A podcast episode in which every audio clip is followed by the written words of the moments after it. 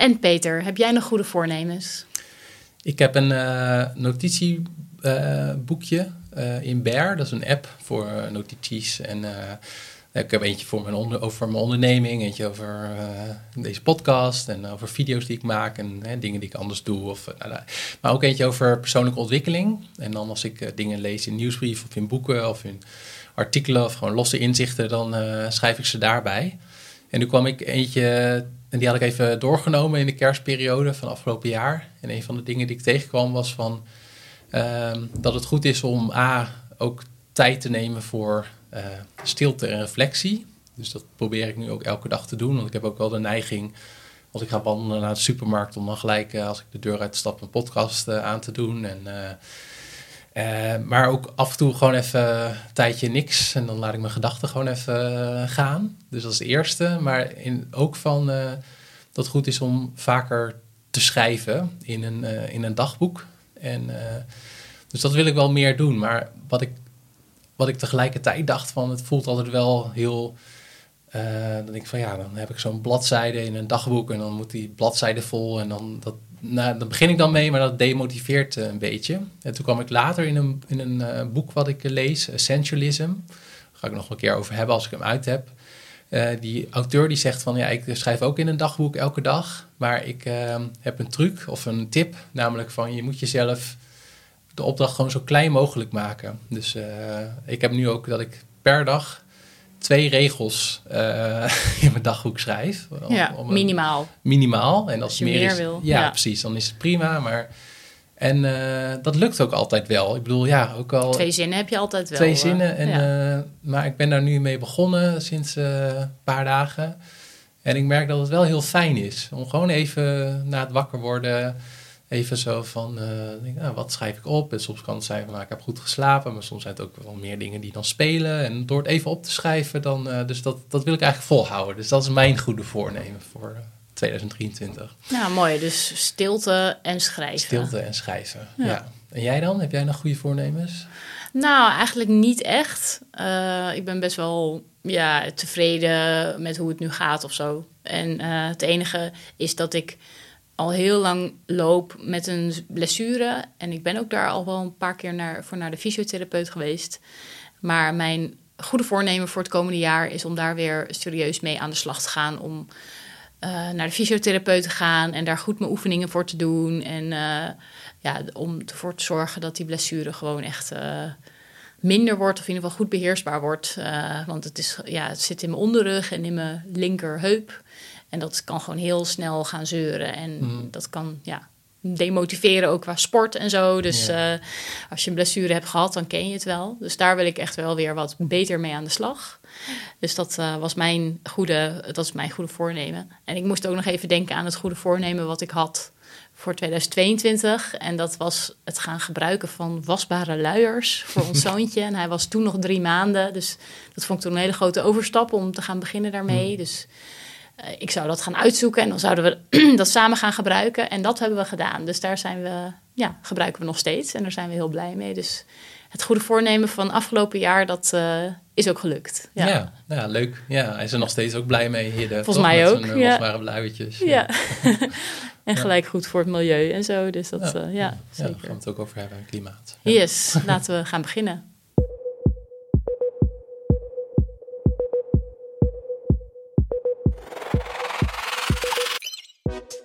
Welkom bij de podcast Supermens. Ik ben Peter Joosten. Ik ben biohacker, toekomstdenker en schrijver van het boek Biohacking en Supermens. Ik geef lezingen en webinars over de supermens, technologische ontwikkelingen, zorgtechnologie en de overheid van de toekomst. Op peterjoosten.net vind je daar meer informatie over, net als mijn artikelen en video's. En mijn vriendin Suzanne is de host van deze podcast.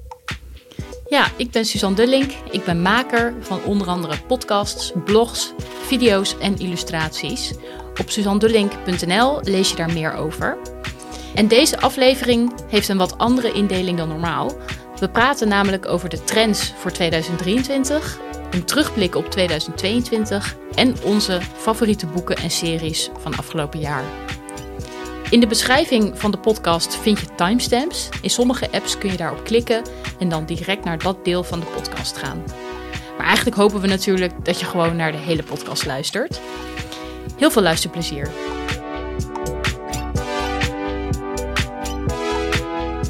Laten we beginnen met de trends van 2023 en vooruit. Wat, jij, wat jou in ieder geval opvalt voor de komende jaren. Ja, dat zijn een aantal dingen. Ik bedoel, er zijn natuurlijk een heleboel ontwikkelingen gaande op het gebied van technologie en wetenschap, maar ook daarbuiten. Maar drie die ik er wel wil uitpikken uh, zijn uh, ja, generatieve AI, dus generatieve kunstmatige intelligentie, ontwikkelingen rondom klimaatverandering en uh, derde had ik urgent optimisme. Dus, Mooi, vertel. Ja, de eerste is generatieve AI. Dus mensen in mijn bubbel of als je technologie volgt, dan ben je het vast wel tegengekomen. Allerlei um, ja, ze noemen ze dat dan taalmodellen die uh, eigenlijk op de markt zijn gekomen, beschikbaar zijn gekomen. Dus dat je eigenlijk gaat erom dat je een prompt geeft, dus een tekstomschrijving. En dat je op basis daarvan kan een kunstmatig intelligent systeem dan een andere tekst uh, voor je maken. Kan dan ook een uh, afbeelding voor je genereren of kan een, een video voor je maken las laatst ook dat het dan ook een filmscript uh, voor je kan maken. Ehm, kunst, uh, muziek. Dus uh, we gaan eigenlijk van, van tekst naar alles, zeg maar. Van, je voert de tekst in en er kan van alles uitkomen. Ja, dus bijvoorbeeld van nou schrijf een brief, een sollicitatiebrief naar dat en dat bedrijf. Ja, en dan zou je nog kunnen zeggen in de stijl van Dumbledore of zo, of uh, Louis Couperus. Of, Precies, ja. En ook illustraties, films, allemaal. Als je het maar goed uitlegt wat je dan precies wil, dan maakt AI dat voor jou. Precies, inderdaad. En het klinkt heel makkelijk, maar ik heb er zelf ook, ben er ook zelf mee aan de slag gegaan. Maar ik vond nog best wel... Het is wel heel leuk om te doen, dus uh, doe het ook vooral zelf. Dat, uh, zeker ChatGPT is gewoon vrij beschikbaar als je inlogt. En DAL-I ook, die zijn allebei van OpenAI. Maar ja, in het artikel over Trends 2023 staan ook een aantal afbeeldingen die ik heb gemaakt met, uh, met dat programma DAL-I. Ja, jij hebt een artikel geschreven ja. uh, over deze trends. Over deze trends. Ja. Dus als je hier nog meer over wil weten, ga dan ook vooral naar dat artikel toe. Ja. En um, zal ik even een linkje toevoegen in de show notes. En, maar ja, dat is wel ontzettend boeiend en ook wel weer spannend. Van ja, wat, wat gaan we daarmee doen en veranderen, veranderen beroepen daardoor. Um, het is natuurlijk ook een discussie over, ja, we hebben nu al te maken met fake news en desinformatie. Nou, hebben we dat met dit soort systemen dan nog veel meer, dat die uh, op het internet uh, al die teksten worden gepland. Ja, het wordt nog makkelijker. Als ja. je zelf misschien niet zo handig bent met schrijven of met tekenen of met filmpjes maken, dan kan AI dat nu voor jou doen. En dan uh, op basis van, nou ja, inderdaad misschien ook wel fake news en dat soort dingen. wordt het steeds moeilijker om te achterhalen wat nou echt is en uh, ja, bedacht is. Door, Klopt. Ja.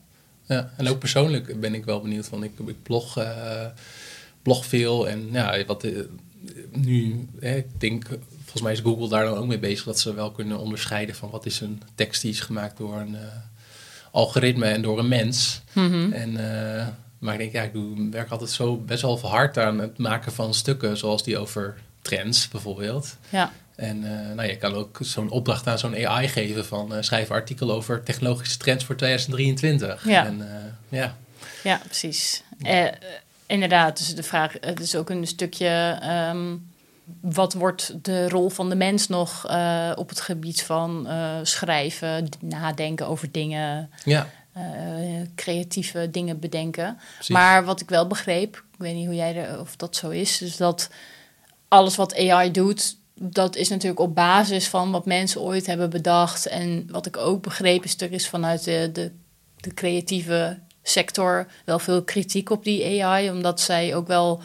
Zij baseren hun illustraties op tekeningen en illustraties en films en dingen van, van mensen. Klopt. Dus ze, ze, ja, ze stelen het eigenlijk, hè, of ze gebruiken het. Ze bedenken wel weer wat nieuws, maar dat, is wel een beetje een grijs gebied. Van, van hoe mm. origineel is het nou eigenlijk echt wat, ze, wat, wat AI dan doet? Klopt. En ja, er zit natuurlijk ook een menselijke bias in. Mm. Dus dat, ja, ja, nee, het is een heleboel wat je zegt, een heleboel haken en ogen aan. En ook als ik voor mezelf nadenk over. Uh, ik gaf dan laatst nog een lezing bij een uh, MBO-school.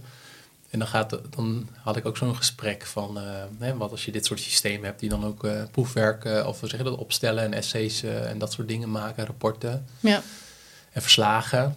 Maar ja, dat kun je wel doen, maar dan, dan leer je er als student of leerling leer je er ook niet zoveel van. Dus ik heb dat zelf ook wel met het schrijven van blogartikelen voor mezelf dan. Van, ik vind het ook heel leuk om dan uh, er even over te malen en na te denken. En, ja. En zo'n systeem kan me dan wel helpen als ik dan vraag van wat zijn ook de... Uh, je kan ook zeggen van wat zijn de argumenten tegen deze stelling of zo. Dus het kan je wel assisteren. Ja. Uh, maar het kan uiteindelijk is ook heel een heleboel van je, ja, van je eigen ontwikkeling is dat je er ook echt bewust mee aan de slag gaat en niet alles laat voorkouwen, zeg maar. Nee, precies. Nee, want er was ook een, een AI voor academici, dacht ik, die uh, onderzoeken en zo kan uh, Klopt. Uitpluizen. Ja, ja, ja dus een uh, Elicit is dan een zoekmachine die dan ook ja, nog beter die papers kan analyseren en op basis daarvan ook weer de belangrijkste bevindingen naar voren kan toveren. Dus heeft ook wel veel voordelen. Ja, het heeft Heel, en dat, in, ja, ik denk dat voor allerlei type kwesties in de maatschappij nu geldt, is van, het is best wel zwart-wit. Dus je hebt mensen die helemaal er lyrisch over zijn en mensen die het helemaal, helemaal niks vinden. Maar Mhm. het is wat je zegt, want het is, we kunnen er ook hele mooie dingen bij. En af, af en toe is de Ja. media nu wel weer een beetje aan de kant van het is heel erg slecht. Dus dat ben ik Ja. het ook niet helemaal mee eens. Ja, en het neemt alles over van mensen. Precies. En dat denk ik ook niet zo gauw. nee. Omdat nou, die vernieuwing en de vooruitgang komt nog steeds wel voor het grootste deel uit de mens, denk ik. Mhm. Dat kan AI nog niet alleen. Nee, en eh, ik kan me wel herinneren van wat wij als mensen zijn ook wel heel goed in experimenteren, fouten maken. En nou ja, dat, dat, dat soort systemen zijn daar minder op ingericht. En je hebt nu nog wel ook de, die creatieve prompts en ideeën van mensen nodig om dat, die Ja. AI's allemaal leu- mooie dingen te laten maken. Ja, precies. Dus Ja. meer een, een, een symbiose, gezonde relatie tussen die twee. Maar dat Ja. is wel zoeken. Het is nog. zeker zoeken, ja. Ja. En dan gaat het vast ook wel mis, ja. Ja, Ja. Dus in de gaten houden, de generatieve AI. Precies, ja. Ja. ja. En dat is de eerste ontwikkeling. Mhm. En de tweede ontwikkeling, eh, ja, die ik steeds relevanter wordt en ik steeds meer volg, is ook klimaat. En eh, nou ja, los zeg maar van de opwarming van de aarde en, en de afname van biodiversiteit en, en dat soort problemen, ben ik ook wel als in mijn werk ook wel benieuwd van wat zijn nou de tweede orde effecten daarvan. Dus eh, nou, je kan je ook wel voorstellen dat er als er bepaalde gebieden in de wereld ook onleefbaar zijn, komen dan ook grotere migrantenstromen op gang naar plekken op de wereld waar, je dan nog wel kan, kan leven. En wat betekent dat dan voor de, nou, voor de samenhang en voor de eh, cohesie in, eh, in de samenleving? Krijgen we ook, er zijn ook mensen die zeggen, ja, er komt ook daardoor steeds meer eh, conflicten en oorlogen, omdat er ja, minder ruimte is. eh, oorlog over eh, water en, en, en ruimte. En, ja, dus daar ben ik best wel ja, af en toe best wel neerslachtig over. Van ja, gaat het, wat, wat, zijn, wat, wat gaan we daarvan merken? En ook, zelfs hier in het welvarende Nederland. Ja, precies. Want er zijn ook wel van die modellen dat Nederland misschien gaat overstromen of dat we het helemaal anders moeten doen hier. Maar wij zijn, wonen natuurlijk in een welvarend land waar veel mm, ja, geld is daarvoor.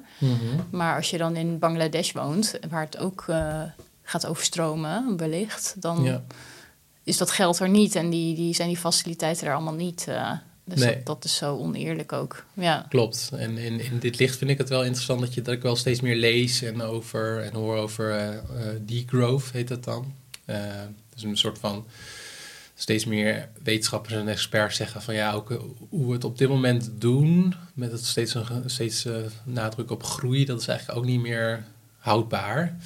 En eigenlijk de enige manier waarop we het nog eh, enigszins de goede kant op kunnen sturen, is als we ook stoppen zeg maar, met die groei. Maar goed, er zijn ook wel weer verschillende visies op. Van je hebt ook groene groei. En dat vind ik ook wel interessant van bijvoorbeeld pre- precisiefermentatie. Dus kunnen we ook bijvoorbeeld zoals we nu ehm, koeien gebruiken voor vlees. Kunnen we dan ook met eh, bioreactoren en eh, ja, eigenlijk microben kunnen we dan gewoon hetzelfde kwaliteit van eh, dierlijke eiwitten zeg maar kweken. Maar dat we niet alle uitstoot en alle dierenleed als het ware hebben. Ja. Ehm, en ook allerlei andere oplossingen dat we ook ja, van die algen kunnen kweken die dan heel veel CO2 uit de lucht kunnen, kunnen happen als het ware. En, ehm, en dat vind ik vanuit mijn perspectief uh, als uh, gericht op technologie en wetenschap ook juist wel weer heel interessant. Dus, dus aan de ene kant heb je zeg maar het economische model van moeten we minder groeien. Maar ja, wetenschap en technologie kan daar ook wel weer mee helpen. Om het, ja, maar dan om een goede, hoe zeg je dat? Meer in regeneratieve groei of ja, groene groei eigenlijk te, te krijgen. Ja, precies. Maar toch denk ik dat het niet het, een, het is niet dat we gewoon lekker kunnen doorgaan met hoe we nu leven. Oh, en de technologie lost het wel op. Dat, dat geloof ik niet. Ik denk dat het ook wel echt moet veranderen. Uh, zoals met de energietransitie, dat we echt wel van het gas en de olie en alles zoveel mogelijk af moeten. Want dat zijn zulke grote stappen die je dan maakt. Uh, ja. Het is niet dat, dat we dat gewoon lekker kunnen blijven doen allemaal. En dat het, nou, de technologie lost het wel op. Uh, we moeten ook wel qua consumptie en, en dingen gewoon veranderen, ja. aanpassingen maken. Ja, ja, ik denk dat dat uiteindelijk en-en is. Maar het is ook wel, denk ik, wel goed om echt wel te focussen op, op wat jij zegt. Omdat het ook wel weer heel... Uh, aan de ene kant heel makkelijk kan voelen inderdaad. Van, oh, technologie lost het wel op. En aan de andere kant merk ik ook wel in, in dingen die ik lees... Van dat er ook wel mensen zijn die zeggen van... Ja, het is, het is niet meer... Uh, niet meer houdbaar, dus waarom zou ik überhaupt mijn best nog doen? En ja, volgens mij hebben we dat ook weer niet nodig. Dus het zit wel. Nee, nee, inderdaad. Het zit wel een beetje aan, aan allebei. En dat sluit ook wel aan met het derde punt wat ik nog wou belichten, is het uh, over urgent optimisme. En uh, dat is dat, dat eigenlijk, uh, zal ik het even goed omschrijven. Um, zoals iemand zegt, van hoop is iets heel anders dan blind optimisme. Het, uh, wie hoopvol is, beseft namelijk heel goed dat er iets mis kan gaan, maar je blijft tegelijkertijd uit enthousiasme voor een ander ideaal zeg maar, vasthouden aan het wereldbeeld waarnaar je verlangt en dat je daar ook actief voor inzet. Dus het is wel, ja, je realiseert wel gewoon dat er heel veel problemen zijn, heel veel uitdagingen ook op ons afkomen, maar het ook wel een soort van in dat ja, urgent optimisme van je wilt er ook wat aan doen. En dat is, vind ik wel iets waar ik me wel aan, uh, ja, aan, vast wil, uh, wil houden. Ja, dus niet zozeer van uh, oh, het komt wel goed. Die op dat, die kant van het optimisme, maar meer het optimisme van uh, ja, ik heb er vertrouwen in dat we dit als mensheid kunnen, maar daar moet wel echt wat voor gebeuren. En daar kunnen we niet achterover leunen. Precies. Ja. En, en, dat je daar dan ook actief voor inzet. En ja ja, de vorm die dat voor mij heeft, dat is nog, vind ik nog wel zoeken. Ik, ik wel ja, in, het, in wat ik in deze podcast en waar, waarover ik schrijf en in mijn lezingen probeer ik dat wel steeds naar voren te laten komen. En natuurlijk gewoon in, in mijn dagelijkse gedrag. Ja, daar heb je eh, invloed binnen je eigen invloedssfeer. Ja. ja, want dat is ook al vaak wat ik zelf bij mezelf ook wel merk en ook wel om me heen hoor. Van ja, wat maakt dat uit dat ik uh, de trein neem in plaats van de auto? Of dat ik niet ga vliegen of dat ik niet... Uh, geen vlees meer eet. Maar ja, ik probeer al die dingen toch zoveel mogelijk te doen. Want dan, ja, dat is een beetje zo'n, als ja. iedereen dat doet, dan komen we ook wel weer verder. Dus, uh, Precies, ja. en je inspireert er weer mensen mee in je nabije omgeving. Ja. En, uh, nou ja, goed. Ja. ja. Om het helemaal niet meer te doen, dat, dan kom je meer in die uh, passiviteit. Mm Ja, en dat kan misschien dan nog wel, ja, dat je nog minder het gevoel hebt dat, je, ja, dat het nut heeft. Of ja, dan word je nog minder hoopvol van eigenlijk. Precies, ja. ja, Dus ik heb wel hoop. En uh, ik, ja, ik realiseer me ook wel dat het er allemaal niet uh, goed uitziet. Maar ja, het, voor mij is het ook nu niet om dan ja, achterover te zitten en het dan maar gewoon uh, zo ja, we zien wel. We zien ja. wel, ja. Dus ik ja. probeer wel dat, en, dat urg ja, urgent optimisme wel te houden en uit te dragen. Ja, is dat iets wat, wat een gemeengoed is dan of zo onder bepaalde mensen? Of hoe ben jij dat tegengekomen, dat urgent optimisme? Ah, ik kwam tegen een boek die ik uh, heb gelezen, heet Imaginable, door uh, Jane McConigal. En uh, zij is verbonden aan Institute for the Future of Future Studies. Het gaat helemaal over nou, het belang om de toekomst te verbeelden, zodat je dan ook daar over kan nadenken en met elkaar met anderen over kan hebben, zodat je er ook beter voorbereid bent als het iets gebeurt. Mm en, uh, nou, en dat concept kwam ik van het urgent optimisme kwam ik in een boek tegen en dat oh, ja. zij ook actief uit. En uh, dat sprak, ja, dat sprak, spreekt mij gewoon, het, raakt, het resoneerde wel bij mij, dus dat sprak me wel aan. Dus daar kwam ik het uh, tegen. Ah, leuk, mooi, interessant. ja.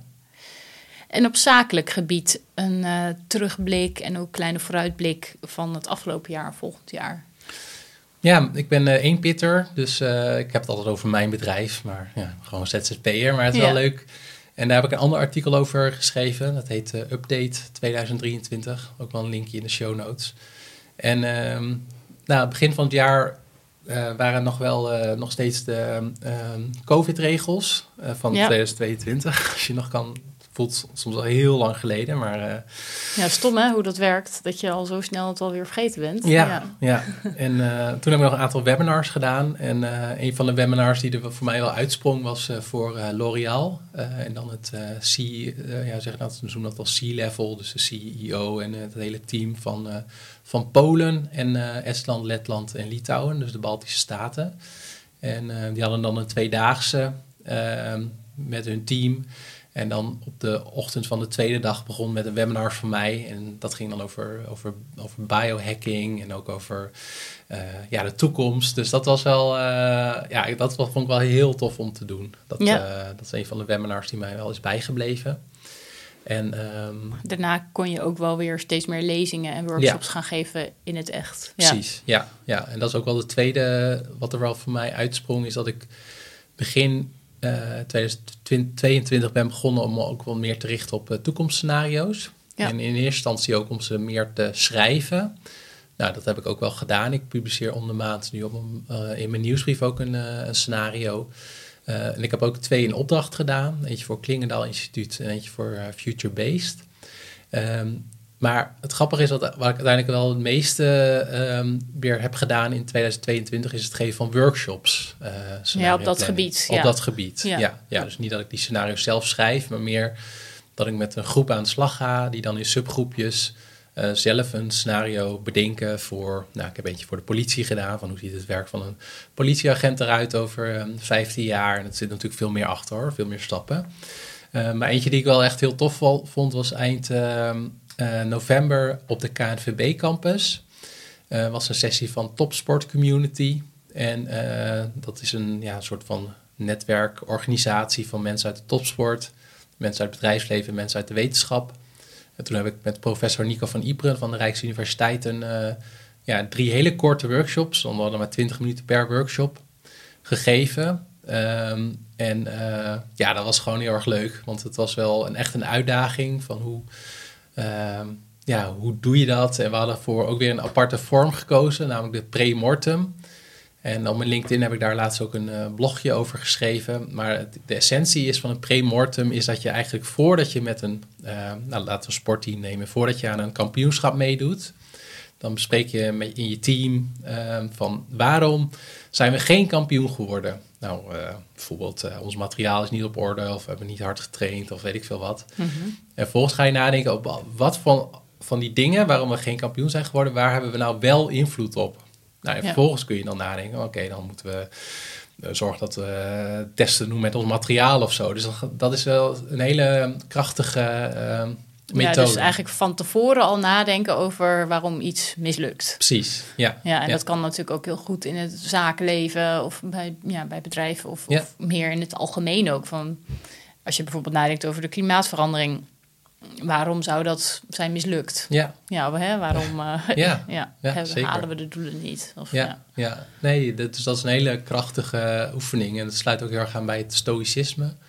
Um, waar ik aan moest denken, dat, dat je daar ook zo'n oefening hebt van uh, dat je juist inbeeldt van wat is het allerslechtste wat kan, kan gebeuren en wat kan ik daar volgens tegen doen. En dat, ja, het is wel een hele on, onnuchterende ervaring, maar het kan, het helpt ook wel juist, en dat is ook het idee van die workshop, van oké, okay, wat kun je dan nu doen om ja. Uh, ja, te zorgen dat je het wel haalt. Ja, precies. Dus dat, op die manier kun je ook een toekomstscenario of zo'n workshop toekomstscenario's uh, faciliteren om meer vanuit zo'n insteek te doen. Precies, ja. ja, ja. Dus dat was, uh, dat hoe was werd daarop leuk. gereageerd? Ja, heel positief. Ja, ja mensen vonden het heel leuk om te doen en uh, me na afloop ook aangesproken of ik het ook vaker kon doen. dus Kijk, ja, dat is dus mooi. dat, dat is altijd ja. het mooiste compliment. Ja. Nou ja, het, het, is in ieder geval een keer echt even een hele andere manier van nadenken over de toekomst, Precies. denk ik. Ja, ja. ja. Ja, dus uh, dat was, uh, was heel leuk. Dus dat wil je ook voor het volgende jaar meer gaan doen. Weer. Dat wil ik meer Met, gaan eh, doen, ja. de toekomstscenario workshops. Absoluut, ja. ja dus als je luistert en je hebt zo'n vraag, eh, laat maar weten. ja. En het derde, zakelijk. Dat eh, heeft ermee te maken, is meer een vooruitblik. Wat, me, wat ik merk is dat ik nu wel vaak een lezing geef bij een eh, klant. En eh, nou, soms word ik, kom ik jaarlijks weer terug. Dat geldt zeker bij onderwijsinstellingen, zoals bij TU Eindhoven. En ik heb dan ook een Goois Lyceum in Bussum, is een eh, ja, een middelbare school waar ik ook elk jaar weer terugkom. En, maar ik merk dat het me ook wel leuk lijkt om wat langer verbonden te zijn aan een eh, project of aan een organisatie. Dus het lijkt me leuk om wel in aanmerking te komen voor meer een adviesrol. Dus dat ik ergens voor acht uur of twaalf uur per week of nou, wat dan ook eh, verbonden ben bij een project. Dan Ja. Ja, dat, ik merk wel van, het is, ik vind het super leuk aan mijn werk van het geven van lezingen, dat ik op al die verschillende plekken kom en allerlei verschillende mensen ontmoet. En eh, van ehm, eh, oude kloosters tot, eh, nou, tot Militaire ook- basis, ja, waar was je laatst? Ja? Militair Historisch Museum. Ja, ja, als het goed is mag ik komend jaar ook een lezing geven voor de luchtmacht. Dus ehm, nou ja, dat zijn allemaal van die leuke, ja, wel tof. Ja. leuke plekken. En ehm het uh, Philipsstadion van PSV laatst, moest ik ook aan denken. Maar het lijkt me dus ook leuk om echt wel lang, langdurig ergens bij betrokken te zijn. En ehm, in ieder geval voor komend jaar ben ik ook eh, nou, bijvoorbeeld verbonden aan de stichting eh Toekomstbeeld der Technologie. Aan een eh, project wat ze doen over de toekomst van het lichaam. Dat past natuurlijk heel goed bij mij. Zeker. En ook bij eh, de eh, Ho- eh, Hogeschool van Den Haag over met de faculteit eh, gezondheid, voeding en sport. Die hebben mij gevraagd voor de eh, ja, hoe zeg het, adviescommissie of raad van advies eh, heet dat geloof ik. Dus dat zijn al kleine, kleine vormen. En, Zeker, ja. eh, ja, dus eh, nou ja, in mijn ervaring als ik het uitspreek, dus nu ook naar jou toe en naar mensen die luisteren, van, eh, nou ja, ik sta er zeker voor open. Dus dat, ja, hopelijk komt er dan ook iets komend Ja. jaar. Weer een mooie volgende stap in je ontwikkeling. Ja, ja, ja. zeker. Dan gaan we door naar het derde onderdeel persoonlijk. Een persoonlijke terugblik en wellicht ook een vooruitblik. Wat is er afgelopen jaar op persoonlijk gebied opgevallen? Nou, één ding wat wel indruk op mij heeft gemaakt is, eh, ik eh, kreeg een, eh, eh, begin dit jaar een sms'je van mijn moeder van Peter, kan ik je bellen? Nou, dan... Ja, Dan zo doet je moeder dat. Die belt Nee. gewoon om af en toe bij te kletsen, maar Ja, niet zo maar niet een zo. ja. Dus wat bleek, mijn vader die zat op de fiets en ehm, eh, bij station Hoge Zand. Nou, Hoge Zand zat meer provincie Groningen, super plat. Iedereen kent het van de, van topografie. ja. en, eh, maar die viel toen flauw op zijn fiets. En Ja. ehm, die had eh, allemaal bloed op zijn hoofd. En, eh, die, eh, maar hij is, eh, hij is een beetje koppig. Eh, ik denk dat Groninger de eigen is. Dus hij is naar huis eh, gelopen en gefietst. En mijn moeder zei van, eh, nou, wat is er gebeurd? En eh moeten naar de huisarts? Nou, nou, het is niet zo nodig. Nou, laten we toch naar de huisarts gaan.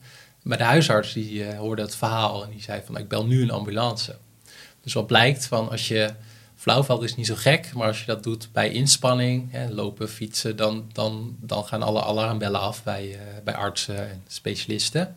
Ja, want het is gek omdat je eigenlijk dan juist meer hogere bloeddruk of juist Precies. meer spanning in je lichaam moet hebben. Ja, Als je dan flauw valt, dan. Ja, dan, gek, eh, ja. dan, dan is het gek. Dus hij heeft toen naar het ziekenhuis, Omlands ziekenhuis gegaan.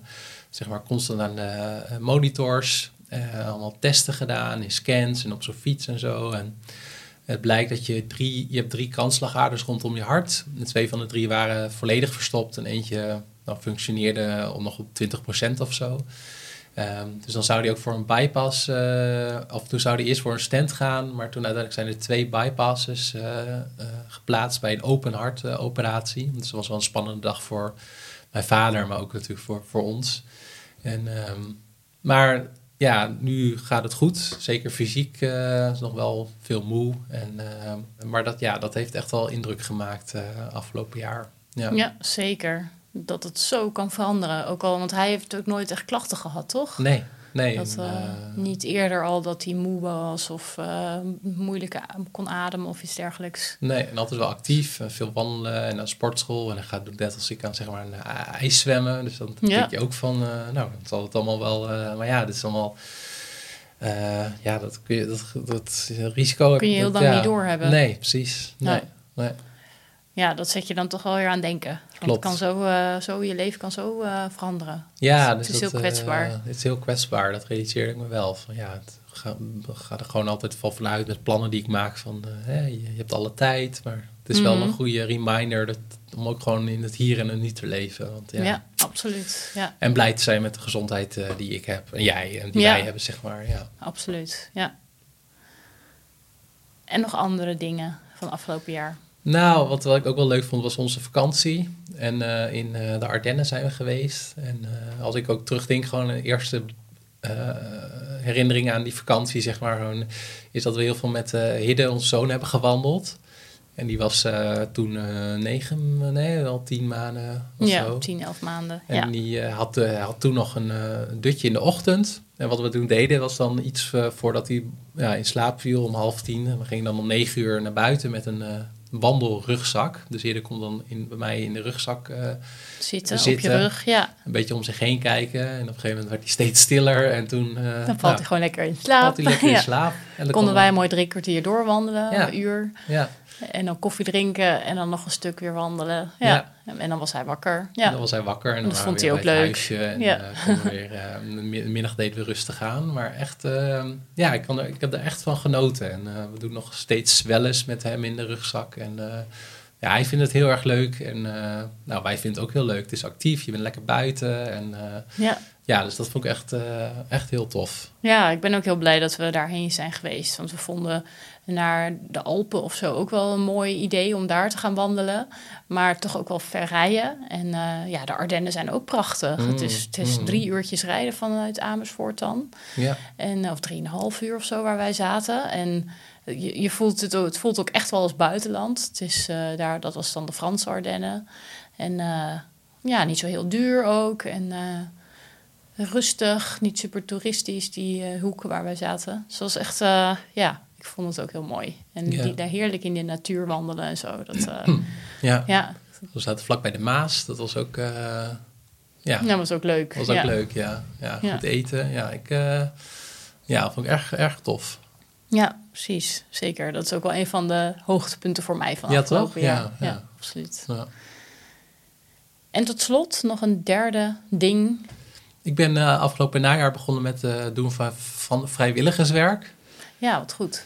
En eh, ja, dat heeft ermee te maken dat, eh, dat ik dacht van, eh, nou ja, dat zou ik best wel een keer willen doen. Maar ik dacht, van, het moet ook weer niet, we gaan best wel druk met, gewoon een met het gezin en met werk natuurlijk. En, en ik Ja. dacht, nou, één uur per week kan ik dat. en ik wilde ook wel iets doen wat ik zelf ook, ik vind wandelen leuk. Wandelen leuk. Hè, Mhm. Dat zie je het voorgaande punt. En toen zag ik dat ze bij het vrijwilligers, of verzorgingshuis bij ons in de buurt in Amersfoort.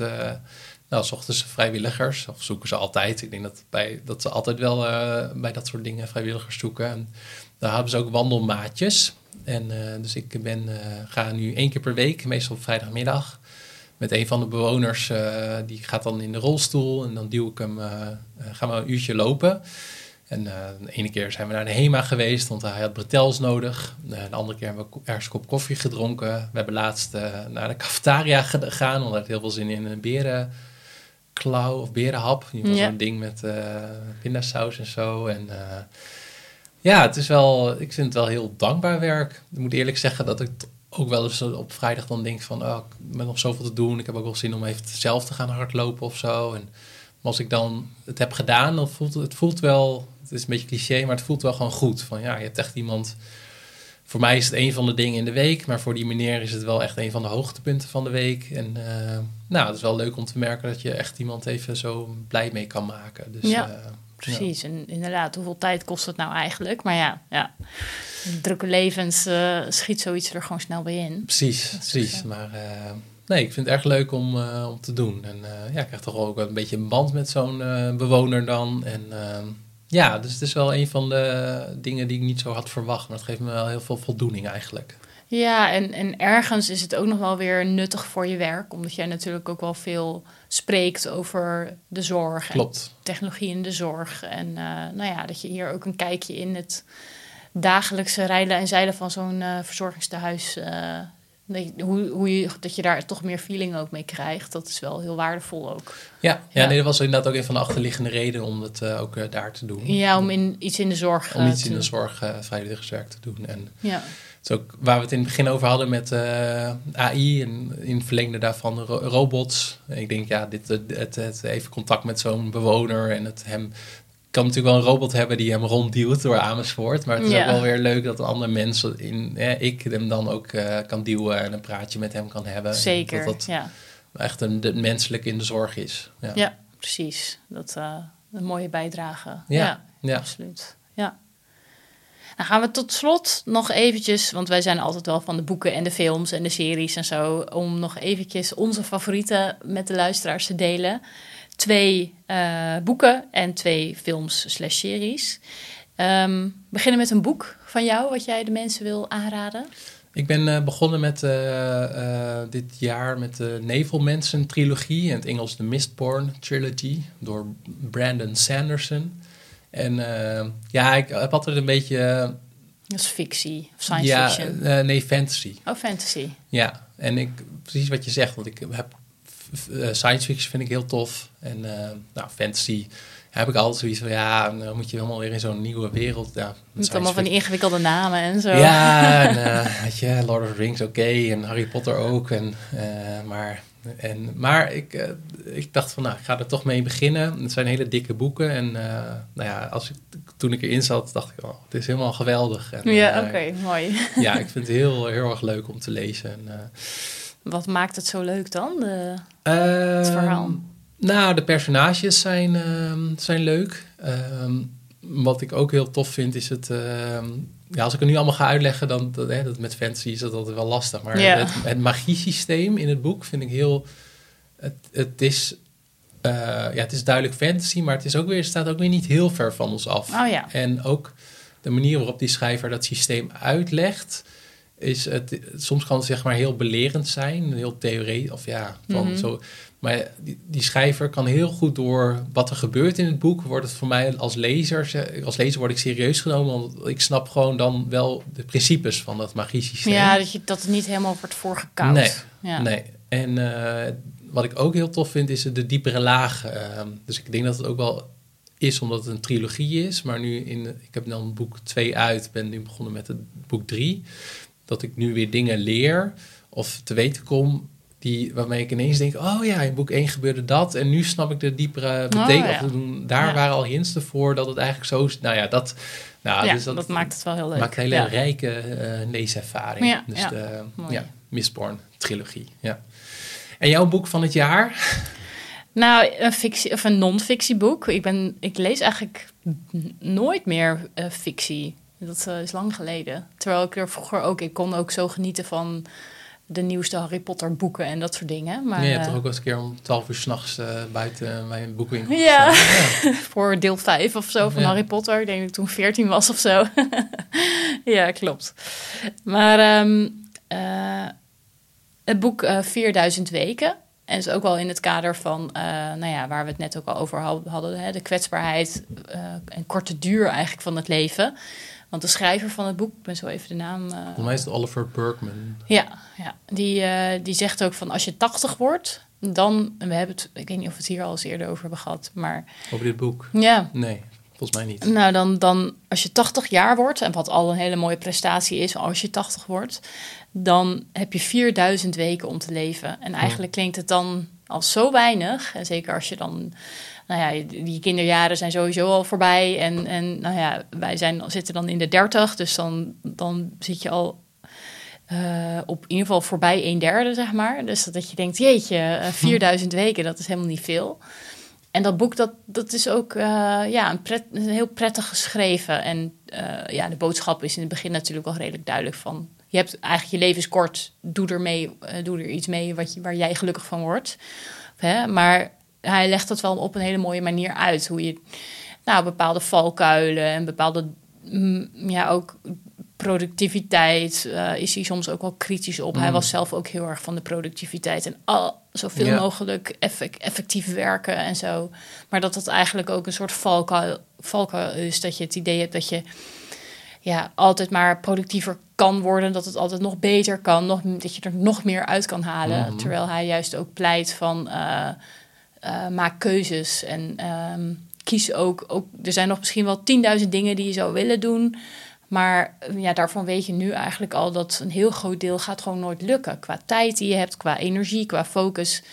Ehm, ja, dus maak het jezelf niet zo moeilijk om dan ja, bepaald in je gedachten te hebben van ja, dat zou ik ook allemaal nog willen doen. Maar door te kiezen van dat hoeft niet, ik kies hiervoor. eh, ik, en dat geeft veel meer rust eigenlijk. En Mhm. eh, ja, dat, dat vind ik eigenlijk wel een hele fijne manier om naar het leven te kijken. Want eerder was ik ook altijd heel erg van de ja, productiviteit en zoveel mogelijk to-do-lijstjes en dingen doen op een dag Mhm. en in een week.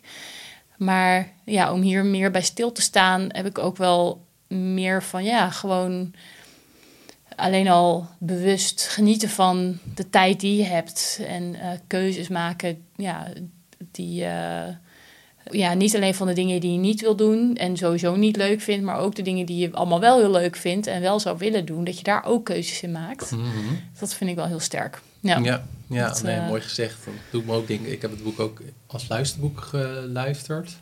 Ik lees hem nu nog weer fysiek, om het gewoon, dan kan ik ook wat aantekeningen maken en zo. Want als luisterboek vind ik dat wel lastiger, maar het is ook wat je zegt van, eh, je kan wel productiever worden, maar er, is, er komt nooit een einde aan of zo. Precies, dat ook. op. Het werk is nooit klaar. De mailtjes komen altijd wel weer binnen. Ja.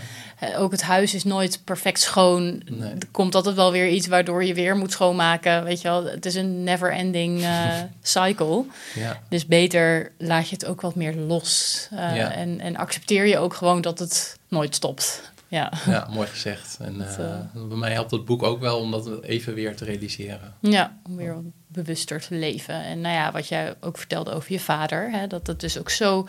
Die 4000 weken zijn je niet eens gegeven. Dus dat is niet eens een zekerheid. Dus Nee. eh, ja. dat, Nee, klopt. Het is- en het is geen boek waar je depressief van wordt, waarvan je denkt van nou, wat, wat, wat heeft het leven dan nog voor zin? Het geeft juist, ja, vind ik juist dat het eh, energie geeft eh, om, om te leven. Hm. Ja, om Ja, juist het wel mee eens. in de tijd mm, iets te doen met de tijd die je hebt. Mhm, Ja, ja. Dat, eh, ja. Een aanrader. En nog een film of serie die jij nog wilt tippen? Nou, een van de films die mij echt heeft verrast de afgelopen jaar is Top Gun Maverick. En eh, Oh, ik had er op zich, ik wou zeggen, ik heb er lage verwachtingen van, maar ik had al wel wat eh, recensies gezien voordat ik er naartoe ging. Maar ik dacht toch, van, ja, eh, film over straaljagers. Maar ik vond vroeger het ook altijd wel heel tof, straaljagers. En ik heb ook daar, voordat ik de Maverick had gezien, ook nog de oude Top Gun gezien. Maar die vond ik eigenlijk, ja, ik vond het eigenlijk niet zo'n super film. Ik vond, er was amper een verhaal in. Nou Eh, ja. maar de nieuwe film, eh, er zit ook nog een vleugje in over wat relateert aan mijn werk. Want op een gegeven moment he- hebben ze, heeft hij de, de hoofdrolspeler Tom Cruise een discussie met iemand anders over. Ja, die zegt dan, eh, piloten zijn niet meer nodig. Hè, we hebben nu drones en eh, kunstmatige intelligentie. Dus dat ging er wel een beetje over. Ja. Maar wat ik vooral tof vond, is dat ehm, eh, de, cast, de cast was een stuk ja, diverser. Dus ook vrouwen die piloot zijn en die in die, in die, in die topschool zitten. En ook vanuit allerlei andere etniciteiten en huidskleuren. Dat was in die eerste film volgens mij amper. Maar het lag ook weer niet zo dik bovenop. Dus het was Mhm. ook niet, zeg maar, dat eh, heb ik soms ook wel eens. Maar het was juist heel, het was gewoon heel, paste gewoon allemaal goed en zo.